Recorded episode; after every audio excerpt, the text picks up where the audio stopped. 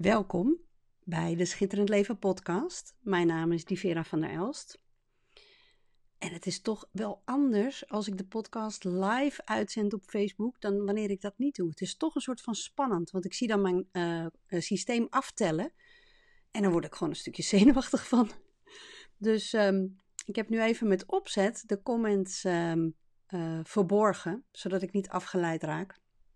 Dat ik me goed kan concentreren op um, de sessie van vandaag. Ik heb besloten om deze wel van tevoren al een titel te geven, zodat je een beetje kan voelen: is dit iets waar ik live bij wil, bij wil zijn of überhaupt wil volgen, ja of nee? Mag je genieten in tijden van crisis?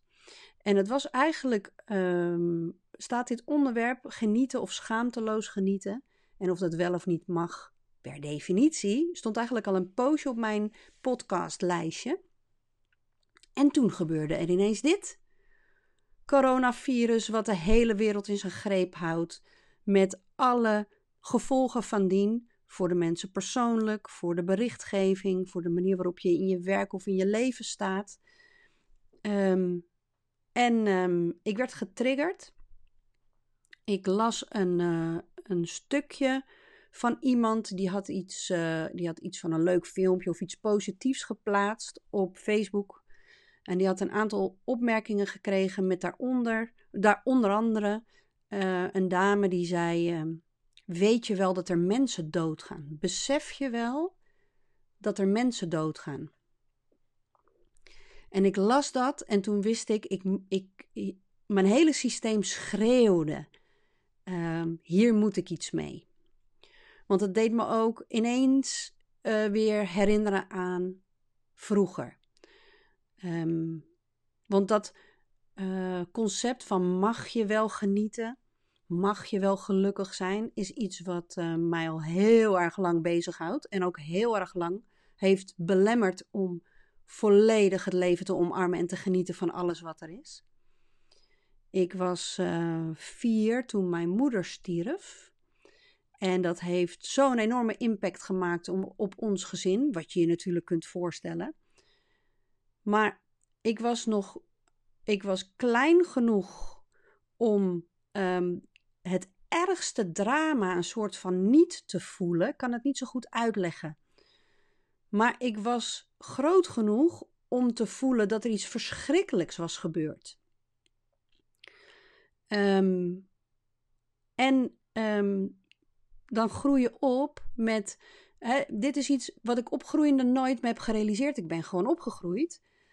Maar toch, uh, in mijn gedrag heb ik iets ontwikkeld. Waarin, wat eigenlijk als een soort basis had. Ja, eigenlijk mag je niet genieten. Eigenlijk is het not done helemaal niet als er iemand is overleden. Om te genieten. Um, want als ik gelukkig ben. Ik zag hoe ongelukkig mijn vader was. En ik zag hoeveel ongeluk het overlijden van mijn moeder uh, op de rest van de familie ook had. Um, en ik zag zelfs, dit is een hele gekke, maar daar kom ik nu ineens op. Ik zag zelfs het ongeluk of het verdriet wat het deed om naar mij te kijken. Um, terwijl ik eigenlijk helemaal niet zo heel verdrietig was. Um, want ik was, ik was echt ik kan het me nu bijna niet voorstellen, want mijn dochter is drie. Ik kan me niet voorstellen dat zij niet um, uh, persoonlijk geraakt zou zijn bij het feit als ik zou te komen overlijden. Maar voor mij persoonlijk was het grootste drama om mijn omgeving te zien lijden.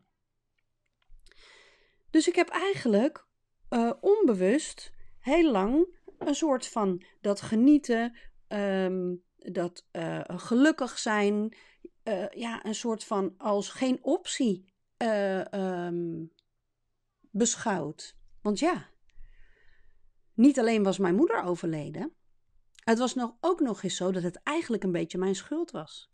Want um, mijn moeder had eigenlijk niet meer in verwachting mogen raken, uh, want ze was heel ziek en ze wilde toch nog graag een kindje. En ik ben natuurlijk nu heel blij, of toen ook al. Ik bedoel, ik ben heel blij dat ze het besluit wel heeft genomen, want dat maakt dat ik er ben.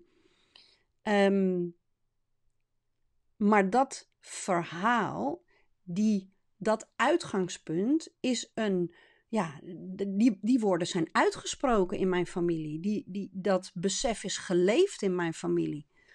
Dus uh, mag je genieten als je moeder dood is en het is eigenlijk een beetje jouw schuld. En ik zeg, ik zeg hem met opzet in vrij harde bewoordingen omdat het, wat mij betreft, raakt ook aan, aan, wat er nu gaande is. En ik deel heel graag hoe ik het zie. En ik hoop van harte dat ik een aantal mensen en een aantal harten mag overtuigen van het feit dat uh, elk moment, altijd, um, um, elk moment het waard is om van te genieten en om je gelukkig te voelen. Misschien zelfs juist als er zoveel drama om je heen aan de hand is. Um, ja, dus het, dat bericht van dat die, uh, die dame dacht iets, iets positiefs te plaatsen en iemand had als reactie: um, besef je wel dat er mensen doodgaan? Aan de ene kant wakkerde dat een soort van, uh, nou ja, toch wel een soort van verdrietgevoel op als ik nadenk over vroeger en als ik nadenk over hoe ik toch wel vrij lang mijn leven heb geleefd. Maar echt, jongens, aan de andere kant uh, maakt het ook een soort van uh, baldadigheid in mij wakker. Want dan denk ik, oké, nou laten we daar dan even een gesprek over voeren. Stel nou, want ik, ik, ik geef je graag altijd het voordeel van de twijfel. Um, ik ga ook heel graag in gesprek met je. Ik ben niet zo snel van de oordelen en afkappen en zo. Um, dus laten we daar dan eens over verder praten. Stel nou dat ik zeg, ja, laten we daar eens even leuk een boom over opzetten, zoals mijn vader altijd zou kunnen zeggen. Je mag dus eigenlijk pas genieten als we dat letterlijk zouden nemen, hè, die interactie tussen die vrouw en, dat, en die comment van besef je wel dat er mensen doodgaan. Is het dan zo dat je pas mag genieten of plezier mag maken of um, mag lachen of grappen mag maken of um, nou ja, hè, je snapt een beetje waar ik naartoe wil als er geen mensen meer doodgaan. Laten we, laten we die eens even laten indalen. We mogen pas genieten als er geen mensen meer doodgaan. Nou, uh, het, het, maakt het wel lekker duidelijk. Want uh, het antwoord daarop is natuurlijk heel simpel. Als dat het geval is, dan mogen we wel ophouden. Niet meer lachen, geen leuke dingen meer doen, geen geluk najagen, geen, niet genieten van omhelzingen of uh, het feit dat je dan misschien beter wordt van corona, ja, daar mogen we dan ook niet van genieten. Want ja, jongens, de dood hoort bij het leven. Het, het is niet anders. En je gelukkig voelen, genieten van het leven, je energie door je aderen laten gaan. Denk je dat het uh, één dode minder zal opleveren als jij ook in zak en as gaat zitten? Denk je dat het voor de mensen die nu in de intensive care liggen um, een soort van geruststellende gedachte is. Dat de mensen die wel kunnen genieten, die wel kunnen lopen, die wel kunnen ademen, die wel kunnen spelen, uh, zichzelf klein houden bij de gedachte: ja, nee, als er, als er leed is in de wereld, als er mensen doodgaan, dan mag je daar niet van genieten. Ik kan me daar echt, nou ja, ik, ik voel de, de tegenovergestelde beweging die mijn hele lijf en leven wil maken. Wat, besef je alsjeblieft dat als je de vrijheid hebt en de rijkdom mag ervaren van te mogen lachen, of om iets moois te mogen creëren voor een ander, om het lichtje van een ander aan te mogen steken. Want het feit dat jij iets, iets fijns of iets leuks hebt wat je deelt, dat, dat heeft een, een helend effect op een ander. Dat is wat we nu nodig hebben.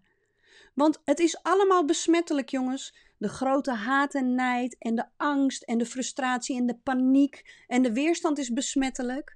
Maar ook het, oh, ik heb zo'n mooi gedicht. Het wordt veel gedeeld op Facebook en ik zal de link hieronder ook bijzetten. Er wordt een gedicht gedeeld van Toon Hermans. En um, de titel is: We hebben mensen nodig die zonne aansteken.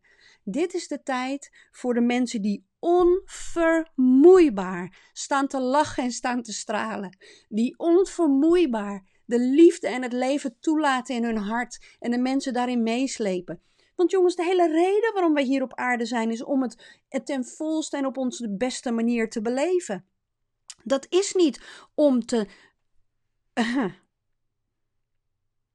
Dat is niet om te lijden. Dat is niet om te boeten. Dat is niet om ehm, eh, eh, iets beter te moeten maken wat ooit een fout is gegaan. Op het moment dat ik die woorden uitspreek, dan, dan spreek ik ze eigenlijk ook uit tegen het kleine meisje. Ik was vier jaar. En ik heb gedacht dat ik de schuld had van het overlijden van mijn moeder. Weet je, ik kan de tijd niet meer terugdraaien. Maar als ik nu het vermoeden heb dat er iemand is die zich inhoudt omdat hij denkt: er gaan toch mensen dood, dus dat kan niet, dan zeg ik jongens. Omarm het leven juist voor de mensen die nu niet volledig van het leven kunnen genieten. Dan moeten wij het toch voor twee doen, of voor drie, of voor tien, of voor honderd. Deze hele uh, uh, beweging van mij om schitterend leven onder de aandacht te brengen, die is al heel, heel vroeg geboren. Dat zaadje hiervoor is al zo vroeg geplant, maar ik heb eerst zo een bak met schuld en schaamte moeten wegwerken, voordat ik dit naar boven mocht laten komen, voordat ik mezelf toestemming mocht geven om volledig te schitteren en te genieten, ondanks alles wat er is gebeurd. Misschien juist wel, juist omdat alles wat er is gebeurd. Ik nodig je uit, in het klein of in het groot. Maak er gewoon één groot feest van. Ga in je feestjurk zodra het weer kan naar de supermarkt. En anders ga je in je feestjurk in de, in, in de tuin werken. Doe je heerlijkste luchtje op en eet je heerlijkste eten. Eet elke dag van je mooie servies. Zeg elke dag tegen de mensen waar, tegen wie je het wil zeggen dat je van ze houdt en hoe trots op je bent. Zeg elke dag tegen jezelf hoeveel je van jezelf houdt en hoe trots je op, je, op jezelf bent. Echt. Als deze tijd ons iets leert, is dat het leven te kort is om ons te laten beknotten door bijvoorbeeld een gedachte. Besef je wel dat er mensen doodgaan?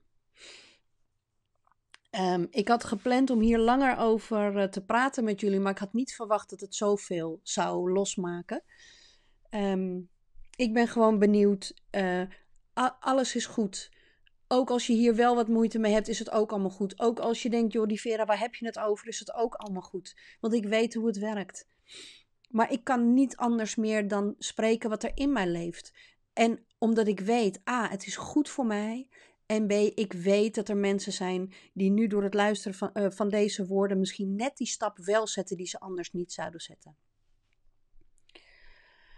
Ah, nou, ik ben benieuwd wat volgende week voor ons in petto heeft. Volgende week ga ik in ieder geval nog weer live uh, op Facebook met de Schitterend Leven podcast. Het ligt even aan de maatregelen uh, rondom het coronavirus, hoe we dat verder gaan doen. Um, want ik heb mijn kinderen thuis, dus het is altijd al een beetje georganiseerd.